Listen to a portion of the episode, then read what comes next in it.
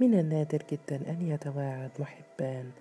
على اللقاء بعد فراق طويل ثم لا يسرعان إلى موعد اللقاء بلهفة شديدة واشتياق عظيم. إن لم يكن حبا أو حنينا أو رغبة في المتعة والسرور فعلى الأقل من قبيل الفضول والاستطلاع والرغبة الملحة عند كل منهما في الوقوف على أخبار صاحبه وأحواله. في الغياب الطويل. هل أحبت غيره؟ وهل أحب غيرها؟ وهل سلت؟ وهل سلا؟ وبماذا يشعران في الحب الجديد؟ أو ماذا بقي عندهما من الحب القديم؟ وماذا تقول له حين تخلو به؟ وماذا يبدر من كلامه حين يخلو بها؟ واشباه ذلك من الأسئلة التي يلقيها كلاهما على نفسه ويحسب أنه في أشد الحاجة إلى الوقوف على جوابها. فربما كان هذا الفضول من أقوى مظاهر الحب ومن اوثق روابط الاتصال بين كثير من الناس محبين كانوا أو غير محبين. فإذا حدث غير ذلك واجتهد أحد العاشقين أو كلاهما في اجتناب الموعد المنتظر بعد طول العزله والجفاء. فلا بد أن يكون بينهما شبح قاتم من الآلام والأقدار يغطي على جميع المشوقات والمرغبات. ويعكس الفضول والاستطلاع فيستحيل إلى صمم ونفور ويصبح كل شيء أهون من تجديد تلك الحالة المكروهة والعوده إلى ذلك الشبح المرهوب. وهكذا كانت الشكوك التي تمثلت لصاحبنا فانساق بغير وعي ولا إرادة إلى اجتناب الموعد والفرار من المنزل والهزء بكل إغراء وتشويق ينبعث في أعماق حسه من شيطان ذلك الشغف القديم. كانت شكوكا مريرة. لا تغسل مرارتها كل أنهار الأرض وكل حلاوات الحياة. كانت كأنها جدران سجن مظلم ينطبق رويدا رويدا. ولا يزال ينطبق وينطبق وينطبق. حتى لا منفس ولا مهرب ولا قرار. وكثيرا ما ينتزع ذلك الجسم المظلم. طبيعة الهرة اللئيمة في مداعبة الفريسة قبل التهامها. فينفرج وينفرج وينفرج حتى يتسع الفضاء ما بين السماء والأرض. ثم ينطبق دفعة واحدة حتى لا يمتد فيه طول ولا عرض ولا مكان للتحول والانحراف. بطل المكان فلا مكان ولا أمل في المكان. ووجب البقاء حيث أنت في ذلك الضيق والظلام. فلا انتقال ولا رجاء في الانتقال. وكان صاحبنا كالمشدود بين حبلين يجذبه كلاهما جذبا عنيفا بمقدار واحد وقوة واحدة. فلا إلى اليمين ولا إلى اليسار. ولا إلى البراءة ولا إلى الإتهام بل يتساوى جانب البراءة وجانب الإتهام. فلا تنهض الحجة هنا حتى تنهض الحجة هناك ولا تبطل التهمه في هذا الجانب حتى تبطل التبرؤه من ذلك الجانب. وهكذا إلى غير نهاية وإلى غير راحة ولا استقرار.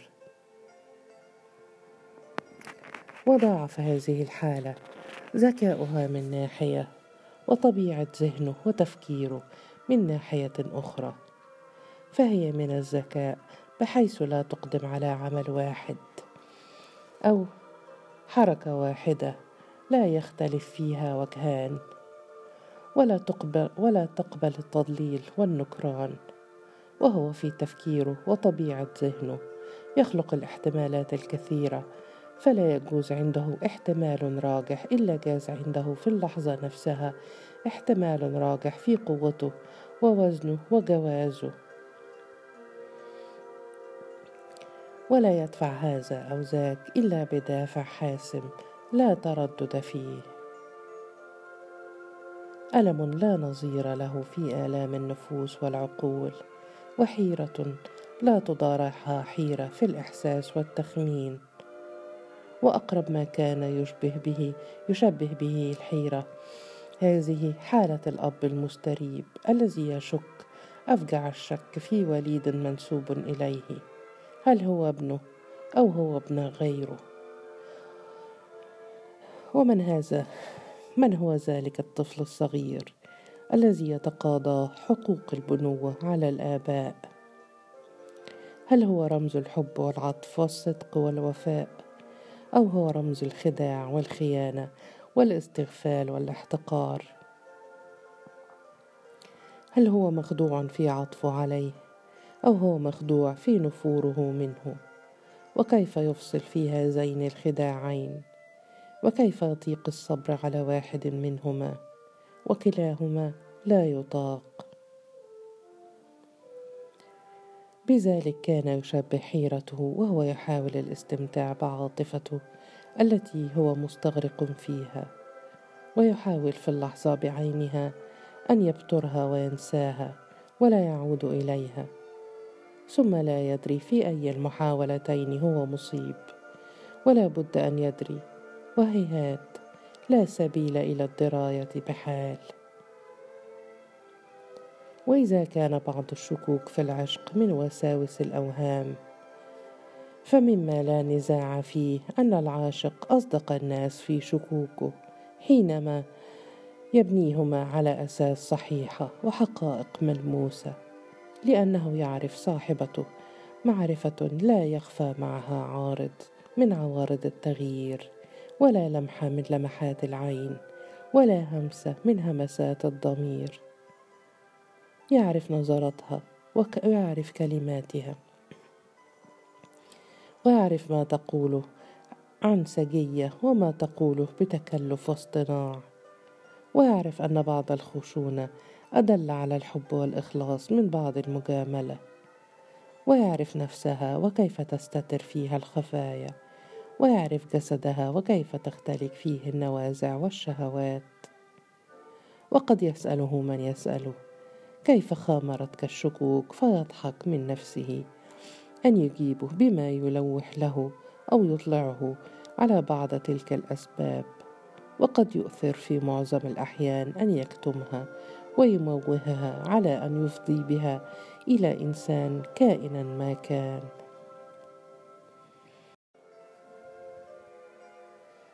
وبعد فهل الغدر في الحب مستحيل. كلا ليس هو بمستحيل ولا مما يقارب المستحيل. وليس صاحبنا بالذي يصدق ولا صاحبتنا بالتي تصدقه وتدعيه. لقد اعترفت له بعلاقتين سابقتين إحداهما متينة مستحكمة طويلة والأخرى هوجاء حامية سريعة وإحداهما مع كهل يقارب الأربعين. والأخرى مع فتى في نحو الخامسة والعشرين وإحداهما صيدت فيها ولكن على غير كره منها والأخرى كانت هي فيها الصائدة وهي التي نصبت الشباك فوقع الصيد على عجل وأسرع الحراس الحانقون فأطاروه. اعترفت له بما كانت تحتال به من الحيل البارعة لتلقى عشيقها الأول وبما كانت تعمى به على من حولها حتى لا يرتابوا في أمرها.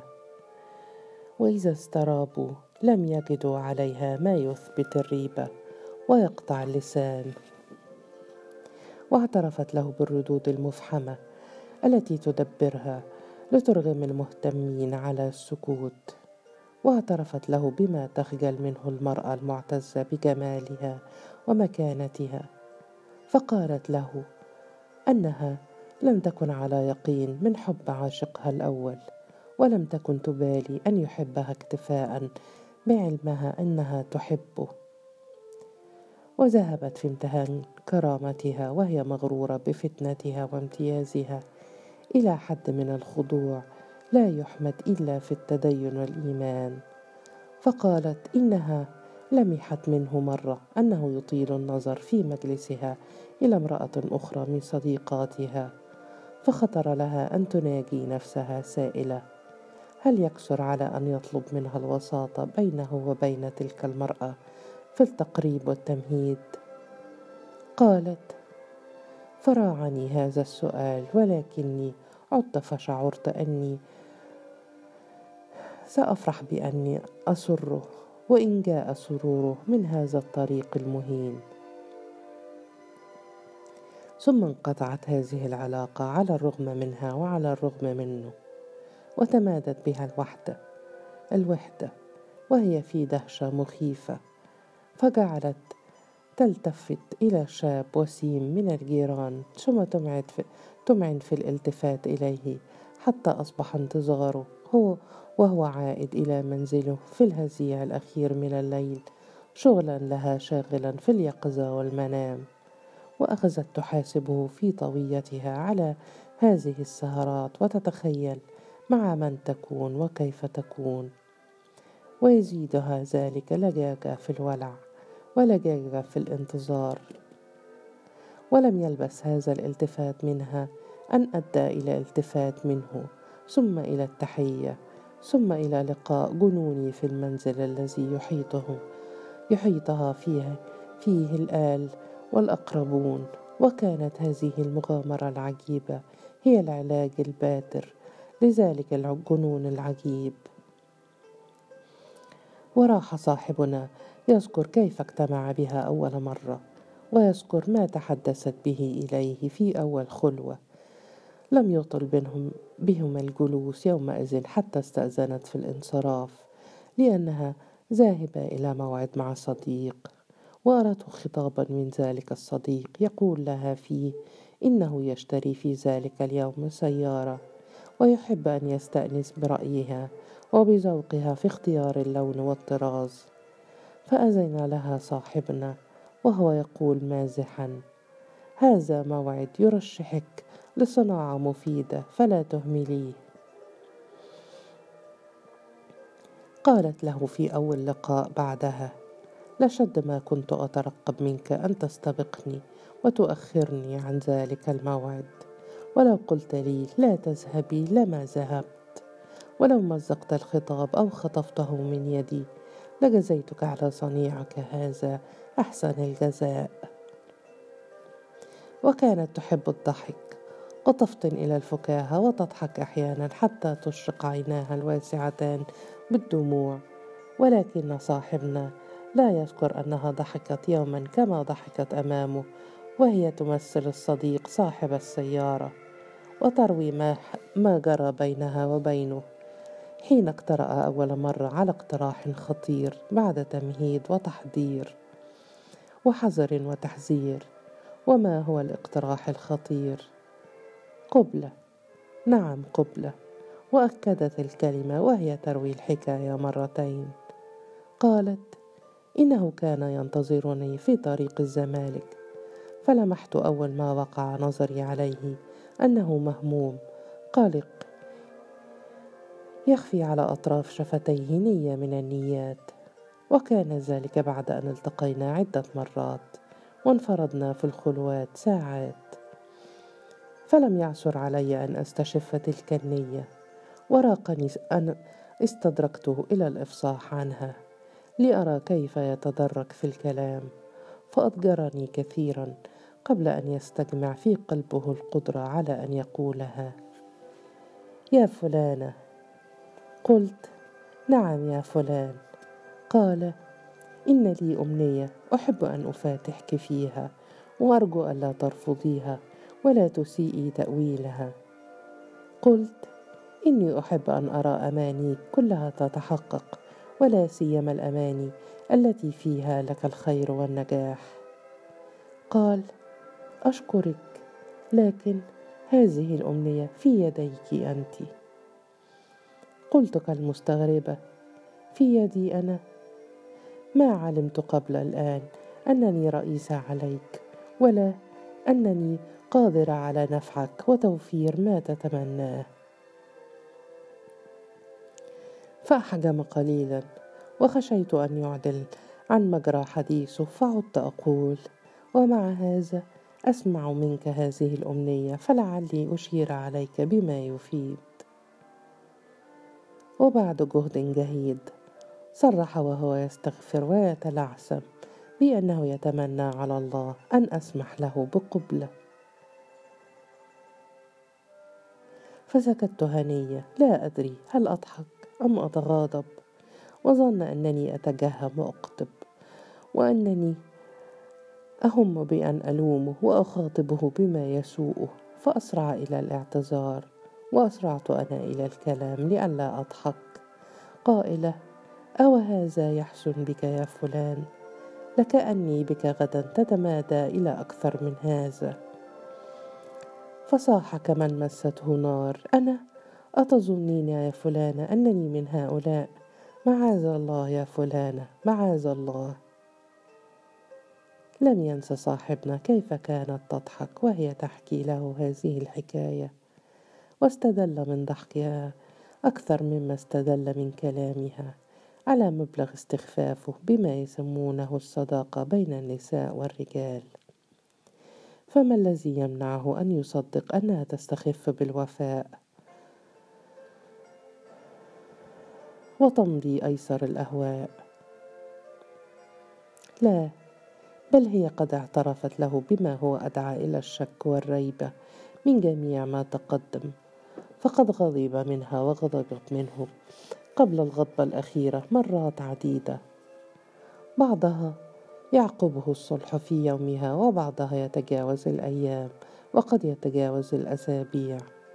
ففي إحدى المرات افترقا بعد عراك عنيف بالغ في العنف والتهكم فوق ما تعودا من عراك وصدام وسافر إلى مصيفه وسافرت إلى مصيفها ولا مطمع لهما في لقاء وبلغ من يقينه بالفراق الفاصل أنه عاد من سفره وهو لا يترقب منها سلاما ولو سلام المجاملة والتكليف. ولكنه بعد أيام قليلة تلقى غلافا فيه صور شمسية تمثلها إلى جانب بعض المشاهد الخارجية التي يرحل إليها المصطافون والسائحون. ومضت أيام معدودات وإذا بجرس التليفون يدق وإذا بالمتكلم ذلك الصوت الذي لا يلتبس عليه بين ألوف الأصوات. الحمد لله على السلامة. سلمك الله وعافاك هل لي أن ألقاك اليوم؟ نعم تفضلي أتفضل؟ لا لست أتفضل ولكني أزورك لألتمس الغفران. هل في وسعك أن تمثل دور الكاهن في الديانة المسيحية؟ قال أخشى أن يكون دورك إذن هو دور الخاطئة. قالت هو ذاك فإلى اللقاء. فالتليفون لا يتسع لمثل هذا الحديث. لم يشعر ذلك اليوم وهو ينتظرها بخداع. ولا باستغفال ولا احتقار ولكنه شعر بخسارة وأسف وانتظرها كما ينتظر الطبيب مريضا يلجأ إليه واستقبلها عاطفا عليها متطلعا إلى ما وراء حديثها مستعدا للتسامح في الإصغاء إليها فدخلت وهي تقول في غير احتجاز ولا امتناع. لا قبلات ولا تحيات حتى تعرف قصتي وأعرف رأيك. اسمع يا فلان إنني لا أؤمن بصداقة المرأة للمرأة ولا عزاء لي في معاشرة الصديقات المزعومات على الإطلاق. فإن لم يكن إلي إلى جانبي رجل اهابه وأحبه وأعتمد عليه كسند فأنا في وحشة الهالكين. وأنا ضعيفة. ضعيفة لا طاقة لي على دفع الغواية. وقد افترقنا يائسين ليس لك حق عندي وليس لي حق عندك. وأنا لا أحاسبك على شطحاتك في مصيفك. إن كانت لك شطحات. ولكني أسمح لك أن تحاسبني على الصغيرة والكبيرة. وأبوح لك بأنني زللت في المصيف وانغمست في صلة غرامية ليس فيها غرام في الحقيقة. ولم أحضر إليك اليوم بل لم أرسل إليك الصور إلا وقد قطعت تلك الصلة. وهيأت نفسي لاستئناف مودتنا القديمة. ها أنا ذا بين يديك فماذا أنت قائل؟ هل تقبلني؟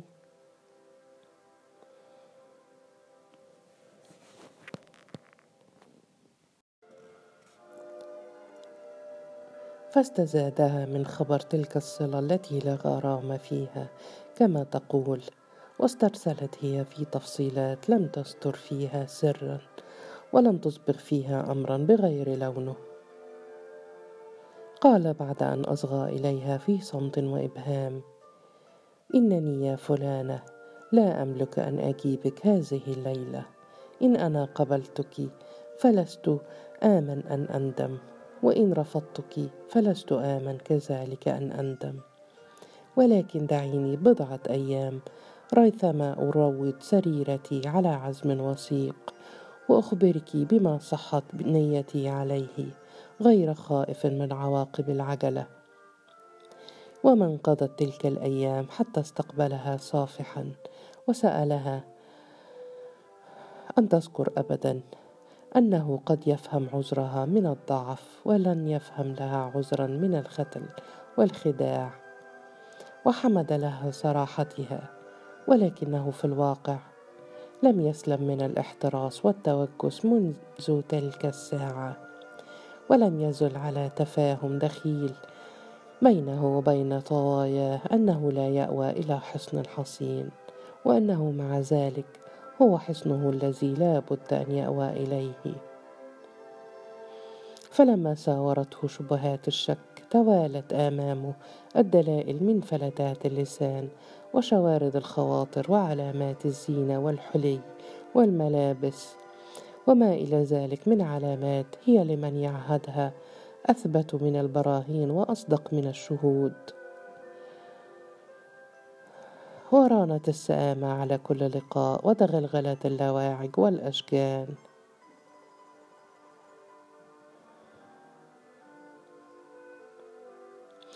غلبت الأقدار على كل صفاء وكل رجاء ولم يبقى إلا أن يقبلها على أن يستغرق هو في حبها ويسمح لها هي أن تفرغ لغيره وهذا مستحيل. أو يقبلها على أن يلهو بها وتلهو به. وهذا أيضا مستحيل. أو يسوم نفسه قطيعتها وهذا ما قد عول عليه وظن أنه استطاع وقدر عليه خمسة أشهر. وإنه لفي حسبانه هذا يوشك أن يودع القلق ويقبل على الطمأنينة والحرية. وإذا به يهاجم في الصميم وإذا بالظواهر والبواطن كلها تضمن له وهي تتدفق عليه أنه عائد لا محالة إلى ما ودع من شقاء. وألم وليس بين تلك الظواهر والمواطن كلها ما يضمن له أقل ضمان أن يعود إلى ما ودع من ثقة ونعيم. فماذا عساه أن يصنع لا تسل فكره ولا تسل قلبه ولا تسل ضميره بل سل كل وشيجة من وشائج لحمه ودمه وأعصابه التي عزمت عزمها بغير اكتراث لفكره أو قلبه أو لضميره. واستقلت بإرادتها وهي لا تترجم عن تلك الإرادة إلا بالعمل الواقع دون التفكير ودون التعليل ودون التفسير. فطلبت النجاة بالبداهة المرتجلة وحملت الجسد الذي هو قوامه إلى خارج المنزل وهي لا تعي ولا تفقه إلى أين تسير. ولا لوم على من يطلب النجاة فإنما هكذا تطلب النجاة.